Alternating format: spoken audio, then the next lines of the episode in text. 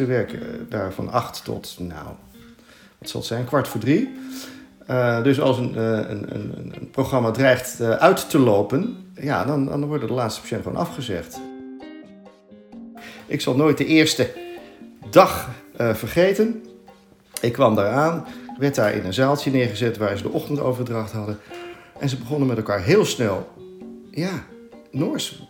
Het was wel Noors, maar niet het Noors dat ik had geleerd. Ik had boekbal geleerd, maar daar spraken ze niet Noors, heel snel. En ik begreep er helemaal niets van. Ik ben Danka Stuiver en in deze podcastserie ga ik in gesprek met Nederlandse artsen die, net als ik, wonen en werken in het buitenland. Waarom besloten zij te vertrekken en waar lopen zij tegenaan? Ik neem je mee over de grens naar steeds een ander land met een andere cultuur en taal en een ander zorgstelsel. Vandaag ga ik in gesprek met Martijn Buwalda.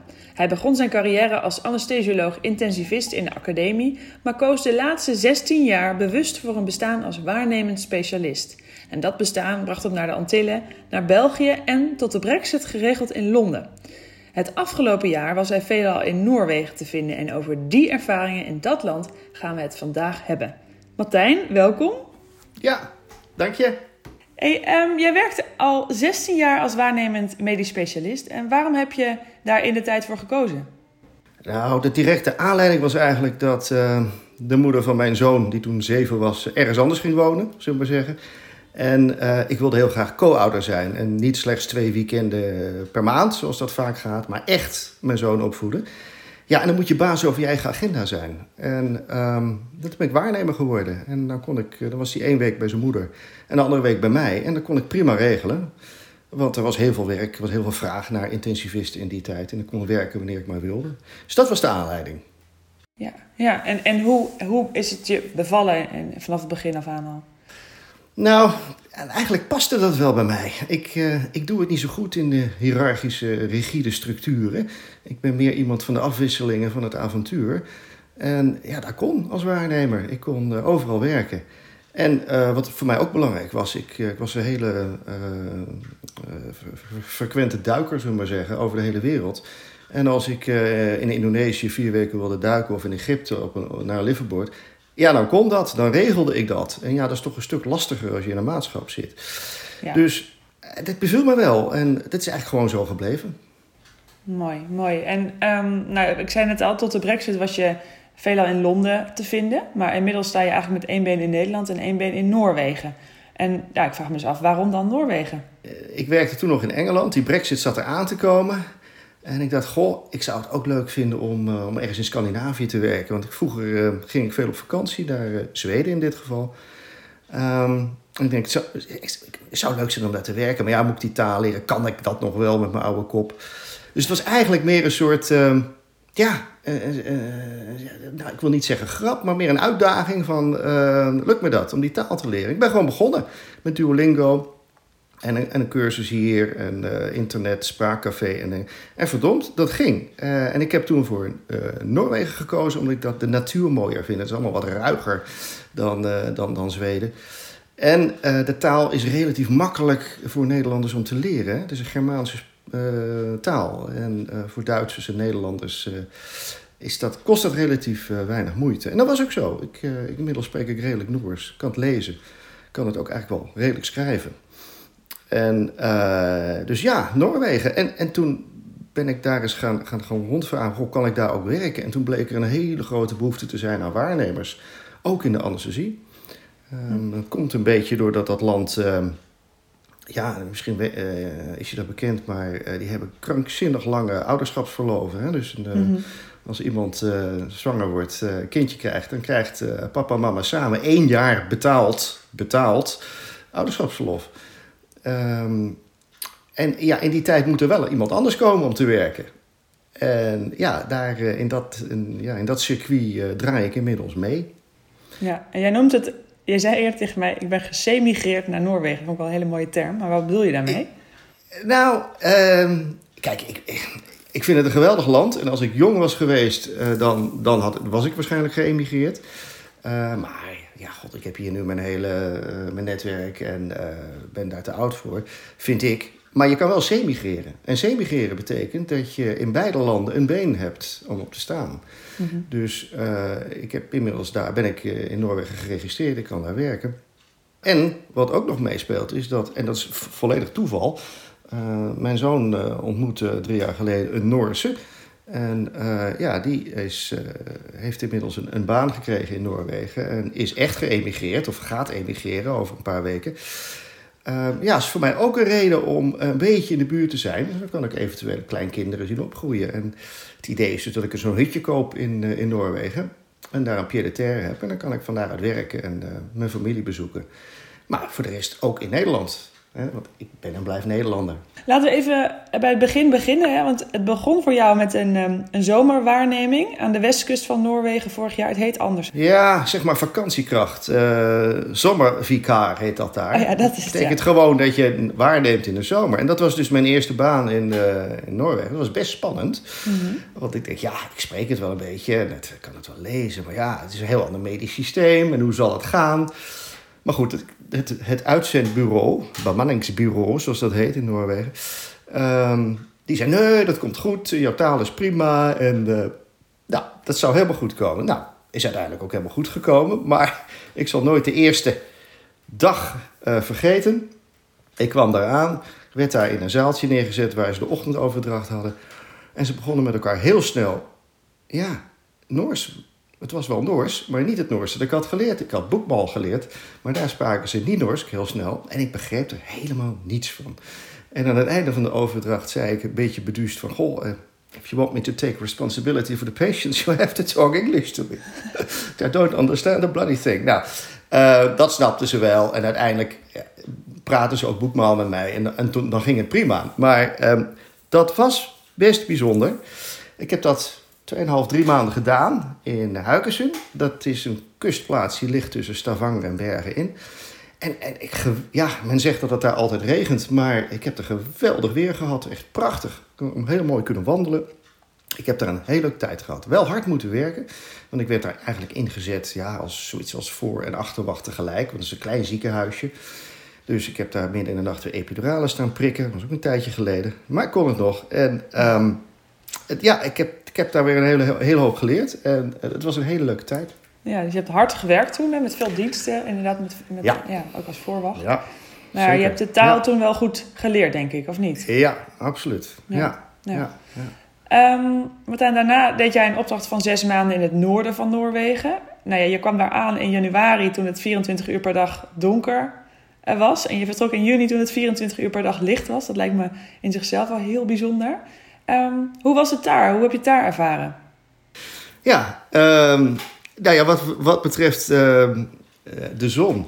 Ja, ik stelde mij voor dat het helemaal donker was als de nacht. Zo, dat, was mijn idee. Uh, maar dat was helemaal niet zo. Uh, ja, het was wel donker en er was geen zon. Maar door al de sneeuw daar in het noorden, want ik, ik werkte in Troemseu, dat ligt in de tegen de Poolcirkel aan. Het is echt heel erg noordelijk.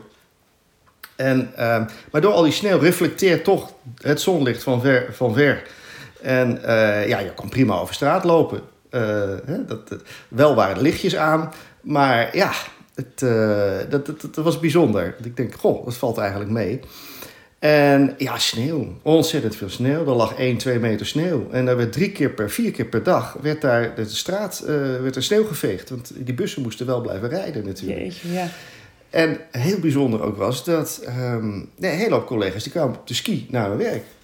Als je kon gewoon skiën naar, naar je werk. Want, en, nou, ik ben niet zo'n skier, maar um, ja, als je van skiën houdt, is dat echt geweldig. Ja. En ze hebben daar ook hele wandelpaden. Die zijn tijdens de winter zijn dat skipaden. En daar hebben ze ook lampjes neergezet, dat je het overdag goed licht hebt. En dan kan je over het hele eiland, want het is een eiland, uh, kun, je, uh, kun je skiën. Dus uh, dat was bijzonder. Um, wat ook bijzonder was, dat ja, het is een, een wat afgelegen plek natuurlijk. Helemaal in het noorden. Maar ja, je moet daar wel alle voorzieningen hebben. Want die afstanden in Noorwegen zijn zo groot. Dat je niet even iemand in een ambulance of in een helikopter stopt. Dus het was een universiteitsziekenhuis, een academisch ziekenhuis. Dat moest alles in huis hebben. Dat had ook alles in huis. Maar het was net zo groot als het OVG. Want ja, er wonen niet zo heel veel mensen. En dat gaf een hele bijzondere mix. Het was aan de ene kant kleinschalig, maar aan de andere kant werktechnisch ook heel interessant. Ja, heel uitdagend lijkt me wel. Zeker. En wat, wat ook grappig is, dat uh, ja, door de afstanden daar uh, hebben ze een heel goed ontwikkeld helikoptersysteem. Hè, dat uh, de, de koffiekamer, vanuit de koffiekamer kon je de, de helikopterlandingsplaats zien. Nou, dat is echt om, om, om, een half uur, om een uur ging dat ding de lucht in of landen weer en zo. Wow. En ja, dus dat is, dat is bijzonder. Ook nog even over dat licht. Toen ik wegging was het dus 24 uur licht. En uh, ja, dat is wel heel bijzonder. Als je dan s'nachts even opstaat om een glaasje water te drinken, dan, en ik had vergeten de gordijnen dicht te doen, dan is het gewoon net midden in, uh, smiddags. En het was ook heel mooi weer daar. En dan schijnt die zon naar binnen en dan was het gewoon 18 graden. Dat is toch wel heel gek, moet ik zeggen. Ja. Raad je daar niet helemaal van in de war, zeg maar, je hele systeem? Als je, ja, ja, goed. Die, die slaapkamers had een hele goede verduistering. Ja. En eigenlijk vond ik dat geen probleem. Dat, uh, ik heb daar nooit een uh, moeite mee gehad. Het was heerlijk. Ik kon s'avonds nog lekker wandelen buiten. Dan was het fantastisch weer. Ja, ja, ja. nou heel bijzonder. Um, wat ik me afvroeg, kun jij nog een aantal andere verschillen benoemen tussen Nederland en Noorwegen die je, die je zijn opgevallen in je werk? Ja, zeker. Eigenlijk, klinkt een beetje onerbiedig, maar eigenlijk ja, um, is het daar zoals het bij ons 30, 40 jaar geleden was. En dan heb ik het niet over het medisch-technische, want dat is prima. Dat is gewoon hetzelfde niveau.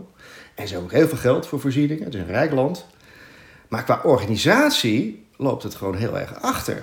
Um, om een voorbeeld te noemen, um, hele time-out gebeuren, hè, veilige chirurgie, dat staat ze nog helemaal in de, in de kinderschoenen. Um, als je binnenkomt, als de patiënt, dan, dan vaak help ik mee de patiënt halen. En dan vragen we nog even een paar dingen. Ben je ergens allergisch voor? Ik check even de luchtweg, enzovoort, enzovoort. En dan maken we de patiënt in slaap. En na een half uurtje komt er een chirurg binnen. Uh, binnenlopen. En uh, die, die gaat vervolgens de time-out doen. Nou, daar moest ik wel even aan wennen. Ik ja, waarom doet hij dat niet voordat de patiënt... Maar is dat heel gewoon. En dan gaat hij alles nog even na en checken en alles en zo. En dan beginnen ze met opereren. Dat is echt wel een verschil. Ook de communicatie met met collega's is echt anders. Ik kon het met de anesthesiemedewerkers uitstekend vinden. Ik kon prima mee, mee sperren. Maar met de collega's, ja, daar praatte ik niet zoveel mee. Dat was eigenlijk, dat deden zij ook niet hoor. Dat was not done. Um, die, die, die, chirurg, die chirurgische wereld en de anesthesie, dat, dat liep eigenlijk een beetje langs elkaar heen. Dat deed allebei zijn eigen ding, mm-hmm. zonder dat daar uh, nou veel uh, communicatie was. Ja, als er iets niet helemaal goed ging of er moest iets bijgestuurd worden, dan was er absoluut communicatie. Maar uh, zoals ik dat in Nederland gewend was, dat je een praatje maakt en dat je wat van elkaar af weet en dat er in, wederzijdse interesse is, dat is daar helemaal niet. Ieder deed zijn ding. Ja. En daar moest ik erg aan wennen. Ja, ik kan me voorstellen, ja. ja. En, qua, en qua patiëntenzorg, zijn er nog verschillen die je toen zijn opgevallen? Ja, um, kijk, medisch-technisch is echt geen probleem. En ik had nou ook niet het idee dat daar de mortaliteit en morbiditeit nou zoveel hoger is. Alhoewel, echt scoren doen ze het niet. uh, maar uh, de arbeidsproductiviteit ligt daar echt een heel stuk lager. Um, ze hebben wisseltijden van drie kwartier. Uh, om een voorbeeld te geven, ja, als je hier een patiënt aan het uitleiden bent, ondertussen is de anesthesiemedewerker de spuitjes aan het optrekken voor de volgende klant, om het even zo te zeggen.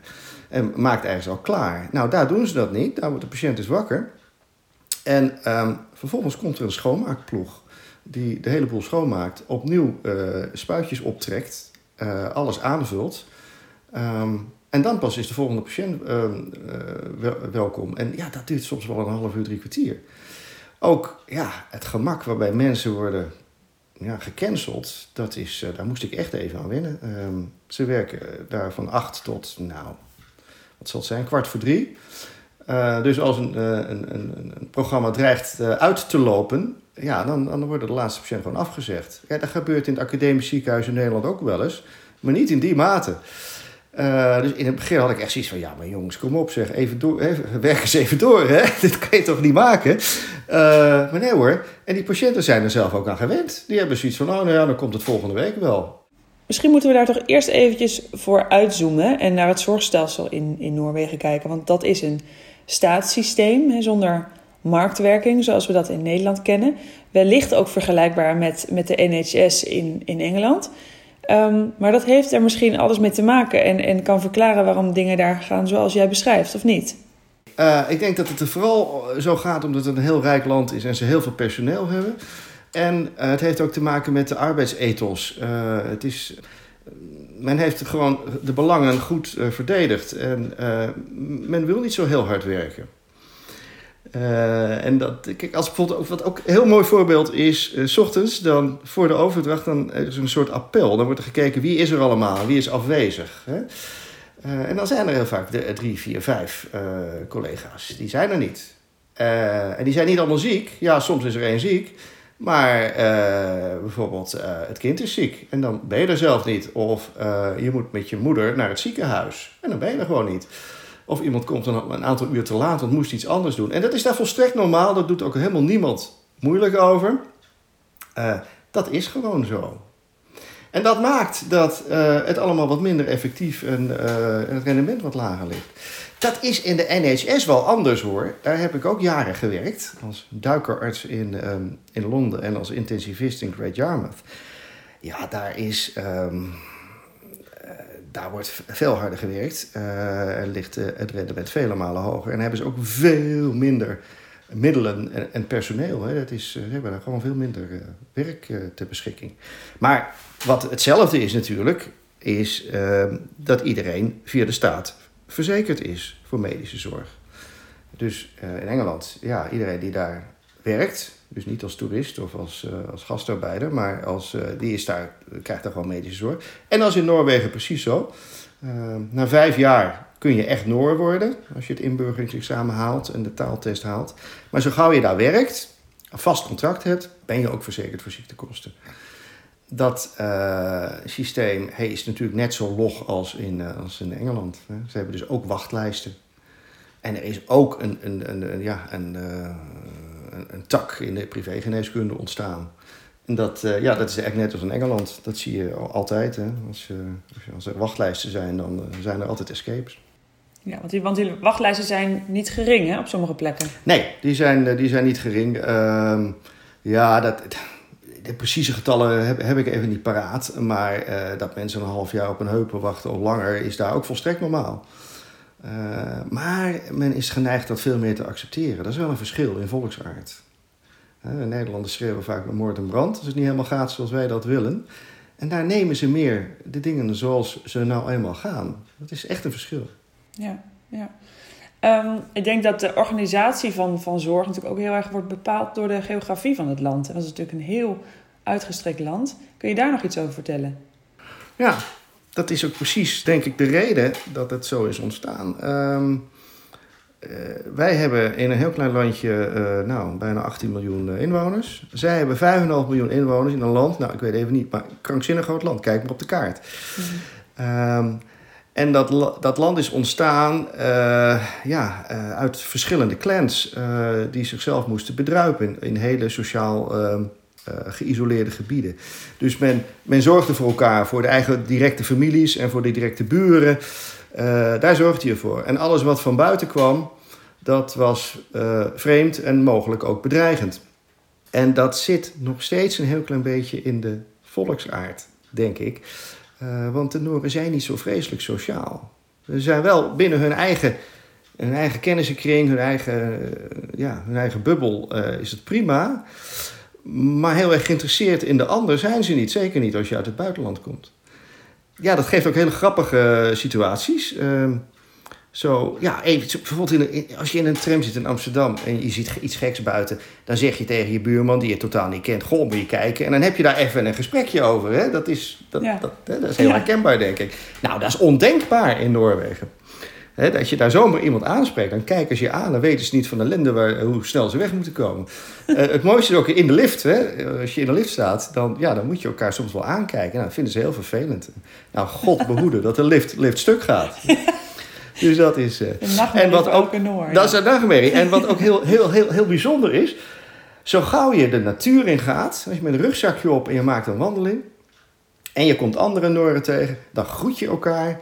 Dan, goh, waar gaat de reis naartoe? Oh, je moet oppassen, want daar en daar is het bruggetje eh, is niet meer goed. En dan in één keer valt dat helemaal weg. Het is heel bijzonder. Het is, In de natuur, ja, dan vinden ze, eh, ben je niet meer bedreigend. En dan, eh, dan ben je echt als de Nooren. Hè. De Nooren houden ontzettend van de natuur. En zijn ook heel gezond. Hè. Het is, zijn de mensen met een laag BMI en worden oud. En tot, tot, tot in hoge leeftijd zorgen ze voor een eigen tuintje en lopen ze over straat.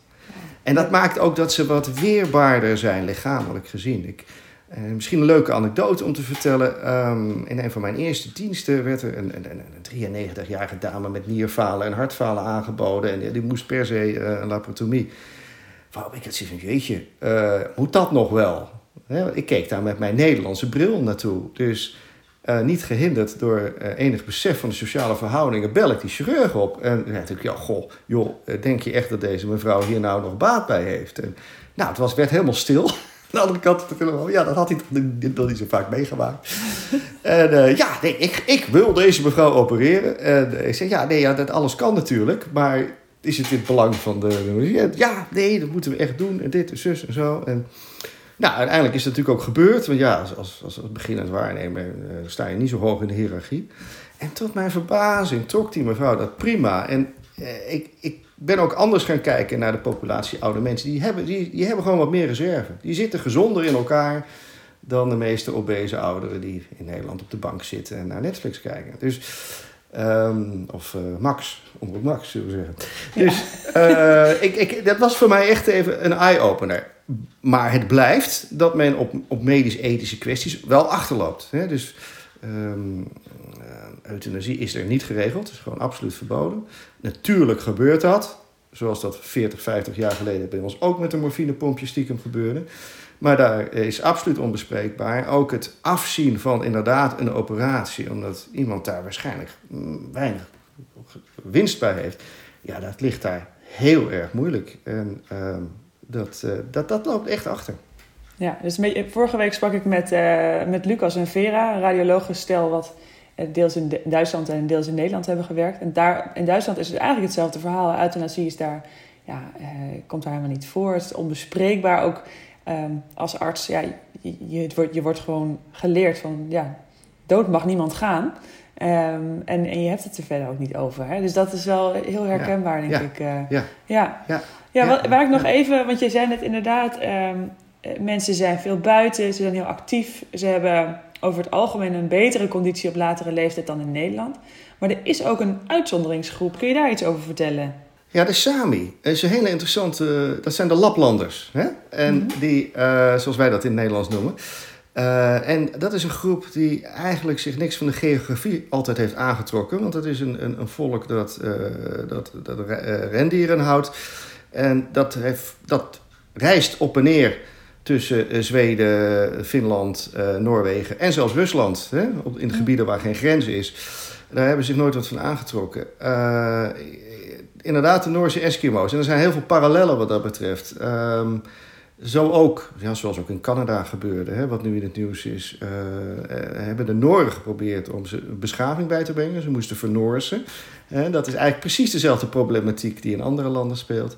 En er is ook een hele tijd geweest dat, ja, dat, ja ze stonden natuurlijk socio-economisch uh, op een wat lagere treden van de ladder. En dat gaf ook meer gezondheidsproblemen, metabol syndroom en dat soort dingen. Hoewel dat de laatste jaren wel is men heel erg mee bezig en wordt dat allemaal ingehaald. En ligt ook het opleidingspeil veel hoger. Maar dat is heel grappig om te zien dat in een hele landen met, uh, ja, met, met vergelijkbare uh, subgroepen. Uh, dat je dezelfde problematiek ziet. Ja, dus het is vergelijkbaar inderdaad met, met de Maori, denk ik, in Nieuw-Zeeland en de Aboriginals ja, in Australië. Aboriginals in Australië, precies ja. hetzelfde. Ja. ja. Alhoewel men wel wat verder daarmee is. Want, want Noorwegen is natuurlijk wel een, eigenlijk een socialistisch land. Hè? Um, de, men wil voor iedereen eigenlijk hetzelfde. De, de, de verschillen tussen inkomen, uh, tussen verschillende beroepen, is ook veel minder dan bij ons. Alles is geregeld. Men verwacht dat ook van de staat, dat alles netjes geregeld wordt. En iedereen moet ook een beetje uh, dezelfde kansen hebben. Dus er is ook heel veel uh, energie gestopt in de opleiding van, van SAMI, maar ook van andere kwetsbare groepen in de samenleving. Het is ook, ook, ook bijzonder in, Noorwegen is dat men ook vindt waar je ook woont. Je moet eigenlijk hetzelfde, uh, ja, dezelfde voorzieningen hebben. Dus ook een heel, afgelegen plek in Noorwegen bouwt men hele grote bruggen en tunnels. waar bijna niemand gebruik van maakt. Want er wonen heel weinig mensen. Maar ze moeten ja, er wel zijn. Het, het kan toch niet zo zijn dat iemand die in, noem eens wat, in Tromsø woont... eh, minder faciliteiten zou hebben dan iemand die in Oslo woont. Dat kan natuurlijk niet. Nee. En dus gebeurt dat. En ja, ze hebben er het geld voor. Het is natuurlijk in feite een, eh, een oliestaat. Alleen ze gaan wat verstandiger met het geld om. Hè. In de Arabische Emiraten hebben ze al het geld over de balk gegooid. Maar hier hebben ze het in een groot fonds gestopt. Mhm. Wat eh, eh, investeert over de hele wereld, wat heel veel geld oplevert. En waar tot in, nou, nog hele veel jaren en decennia, dan zullen ze daar plezier van hebben. Ja, dat denk ik ook. Ja, ja en ehm ik zei het al, het is een socialistisch land. Eh, Is, zijn er nog andere manieren waar je dat aan merkt? Wat je merkt ook in, nou maar dat is een sociaal ding.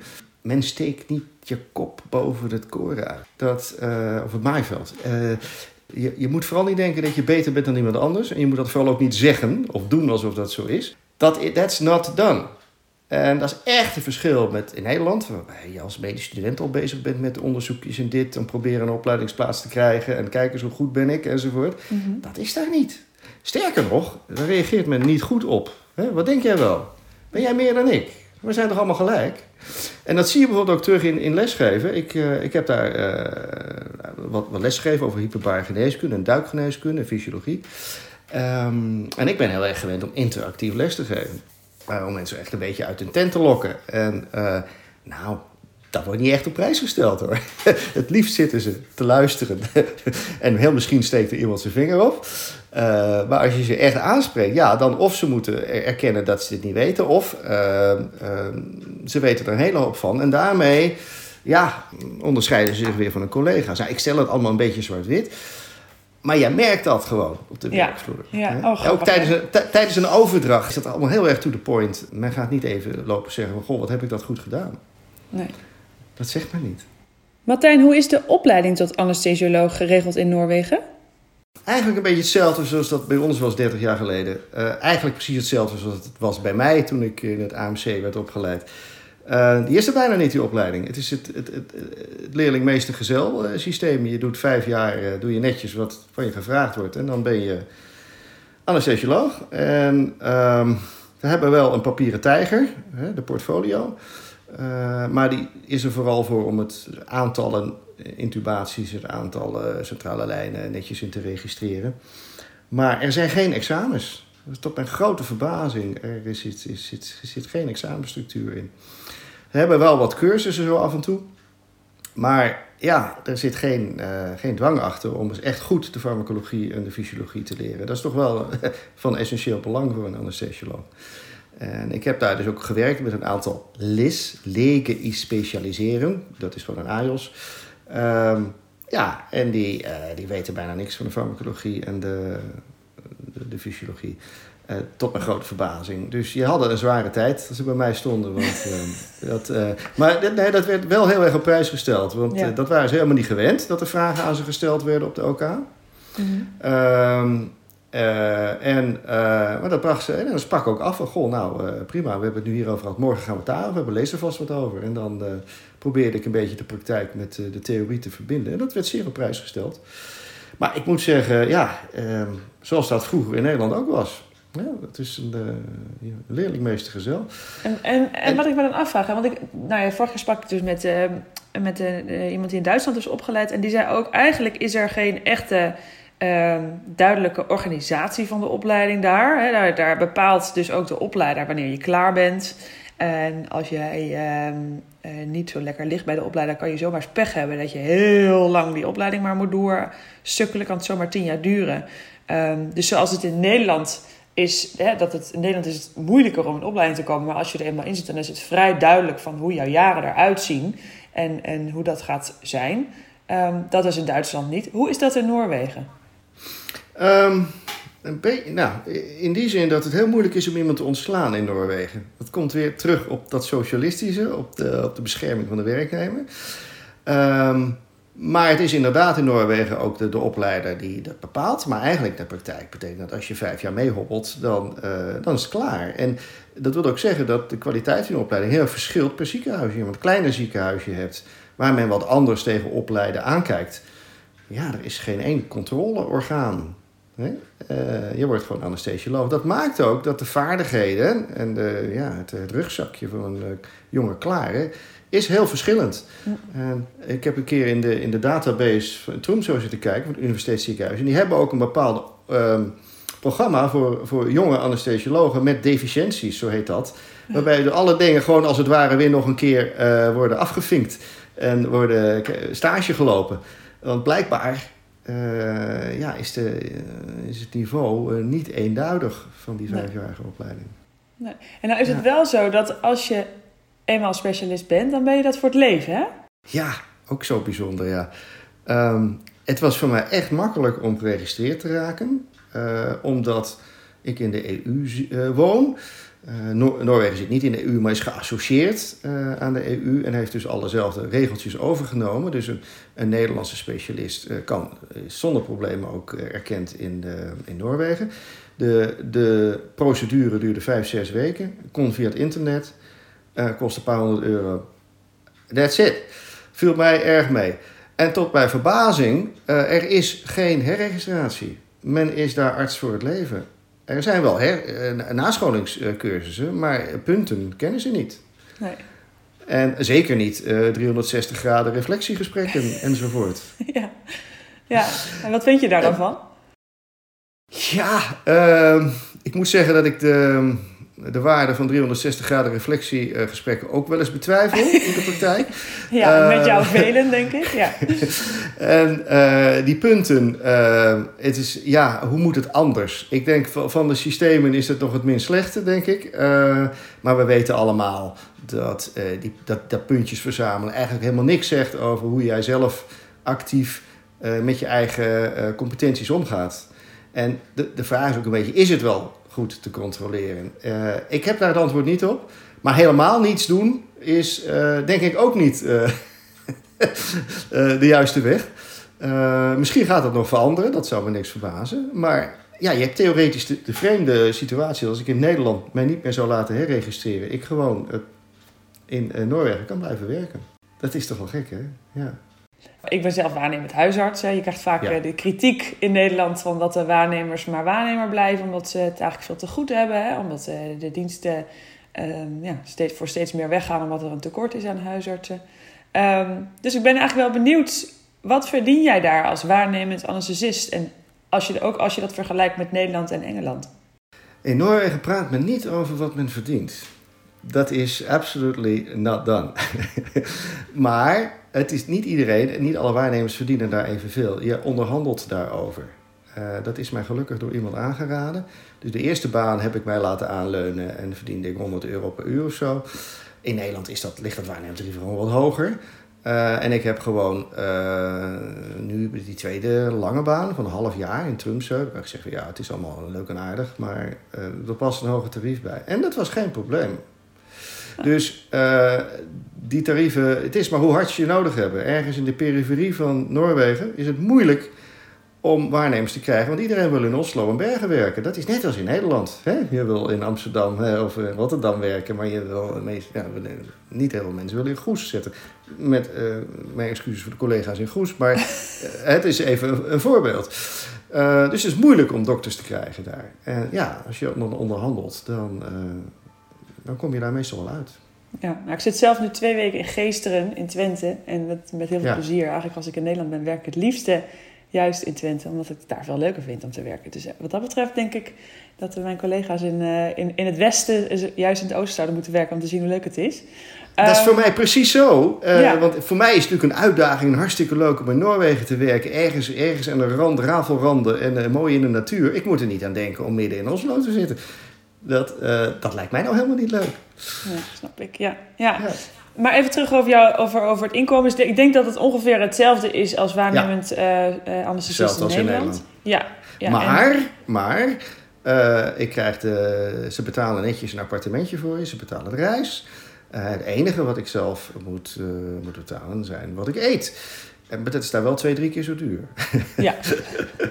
en over de drank maar helemaal niet te spreken. Nee, want een biertje kost? Ja, 11, 12 euro. Jeetje. Dus bij, ja. bij elke slok weet je, oké, okay, dit is een euro. ja, daar geniet je niet van. Nee. Dat, snap ik. Oké. Okay. Um, Stel dat een collega nu luistert die ook interesse heeft om te gaan werken in Noorwegen. Ehm, wat voor tips heb jij dan voor hem of haar? Dat uh, hij of zij dat vooral moet doen. Dat dat uh, ontzettend leuk is. Een verrijking uh, geeft. Kijk op het vak, maar ook op het leven. Dat het helemaal niet, dat het veel minder moeilijk is dan je misschien zou denken. je moet natuurlijk wel de taal spreken. Ehm, het is waar, men spreekt in de Scandinavische landen over het algemeen goed Engels. Zeker mensen met een academische opleiding. Maar niet de patiënten. Hè? Mhm. En patiënten zijn kwetsbaar en zijn angstig. En die willen in hun eigen moederstaal, moersmaal worden aangesproken. Hè? En niet, niet in een andere taal. Hè? Stel je voor, je bent angstig en akelig en je zit ergens in, in, in Spanje en dan komt... Hello, I am your doctor, I speak English. Dan voel je je ook niet prettig, toch? Nee. Je, wil, hè? je wil in je moederstaal. Nou, dus dat, dat vind ik heel belangrijk en dat vinden ze daar ook. Dus je moet wel die taal beheersen, maar niet op een krankzinnig hoog niveau. Ik hoef niet hele essays daar te schrijven. Uh, voor waarnemers gelden daar eigenlijk geen regels van over. Um, maar ja, men zal dat wel checken. Men zal een Zoom-gesprek met je hebben en uh, even, even checken van, goh, kan ik met iemand converseren? Nou, het is mij met mijn oude kop, ik ben 58, gelukt om een taal te leren. Dus ja, dat kunnen anderen ook. Hè? Uh, dat kan. Uh, dan is het handig om, om je in te schrijven als, als Noors arts. Dat kan dus via het internet. Heb ik al verteld. Is, uh, een, kost niet veel tijd. En dan is het het handigste om uh, te beginnen met waarnemen. Om even te kijken of je het echt wel leuk vindt. en dat moet je dan doen via een, een Noors uitzendbureau. En als mensen echt serieus ehm, dit willen, kunnen ze contact met me opnemen. Er zijn diverse collega's die ik al heb geholpen en tips heb gegeven. dat is geen probleem. Wat ik me nog wel afvroeg, want ik kan me zo voorstellen, als als ik als huisarts in Noorwegen ga werken, dat ik iets dus meer, uh, dat mijn taal wel wat belangrijker is nog dan als anesthesist uh, in Noorwegen. Want dan, ja, uiteraard praat je met mensen, maar dat, je bent nooit alleen, want er zijn waarschijnlijk anesthesiemedewerkers en een groot deel van de tijd is de patiënt misschien ook um, aan het slapen. Dus is daar nog een verschil in, in vereisten tussen, tussen vakgebieden als bijvoorbeeld huisartsen of psychiaters die, die heel veel moeten praten en, en snijders of, of meer... Uh, in principe heb je natuurlijk daar gelijk in. Aan de andere kant moet je niet vergeten dat Noorwegen heel veel dialecten kent. En de dialecten zijn zo verschillend van elkaar dat mensen uit Oslo eh, iemand ook heel veel moeite heeft om uh, iemand te begrijpen die in, in Tromso's uh, dialect spreekt. om, om even een voorbeeldje te geven. Ja. Dat is één ding. Ten tweede is men gewend aan heel veel mensen uit het buitenland, ook heel veel Polen, Letten, uh, Esten, nou ex-Oostblok landen werken daar als arts. Uh, en hebben een krankzinnig accent. Ook in hun Noors. En het is ook absoluut niet optimaal. Uh, en men is al heel blij dat je daar werkt. Er is zo'n gigantisch tekort aan huisartsen in Noorwegen. Dat is nog erger dan in Nederland. Uh, dat je daar ten eerste een, een heel goed obitarief kan onderhandelen. En ten tweede, men is al blij dat je komt. Ja, dan, dan staat er een praktijkassistent bij die je helpt met de taal als het lastig is. En binnen een paar maanden, als je daar echt fulltime werkt, zul je merken dat dat dat je je kan redden in in de taal. Je moet wel van tevoren beginnen in Nederland. Uh, ja. Hè, dat, is, dat heb ik gedaan. Het kan ook in Noorwegen, maar, dat is, afhang, maar dat, dat is meer voor mensen die ook echt willen emigreren. Dan zegt zo'n uitzendbureau van oké, prima. Wij geven jou een, uh, een crashcourse van vier maanden intensief Noors cursus. Krijg je nog voor betaald ook. Mijn hele gezin, hele familie. Wow. Maar je moet ons wel beloven dat je dan ook minstens een paar jaar werkt als huisarts ergens in uh, in Verwegistan, in, de, in Noorwegen. Uh, dus dat kan ook. Um, maar goed, ja, dat lijkt mij handig om eerst eens even te snuffelen en dat is eerst in een korte periode te doen. En het is ook leuk om die taal te leren. Hè. Er zijn zoveel mooie Scandinavische series te vinden. En ja, die versta je dan. Dat is ja. hartstikke leuk. Ja. Mooi. Goed zo. Uh, Martijn, ik ben echt wel heel benieuwd wat jouw plannen zijn voor de toekomst. Um, ja, eh, doen wat ik nu al doe. Uh, mijn levensmotto is: je moet met pensioen gaan voordat je met pensioen gaat. Je moet niet alles uitstellen tot je 67ste. Uh, je moet er nu een leuk leven van maken. en dat probeer ik te doen. En daar ga ik vooral mee door. Goed zo. Nou, ontzettend bedankt voor, voor, deze, voor dit interview. Ik vond het echt heel leuk en heel inspirerend. Bare Hikeli. En dit was het einde van deze podcast. Ik sprak vandaag met Martijn Buwalda, die ons vertelde over zijn ervaringen als waarnemend anesthesioloog in Noorwegen. En we blijven even in Scandinavië, Want de volgende keer spreek ik Esther te Poelen. Zij vertrok in 2013 met haar man en jonge kinderen naar Zweden om daar te gaan werken als kinderarts. Heb je naar aanleiding van deze podcast vragen of tips of zou je zelf graag een keertje mee willen doen? Mail dan naar redactie.medischcontact.nl. Bedankt voor het luisteren en graag tot de volgende keer.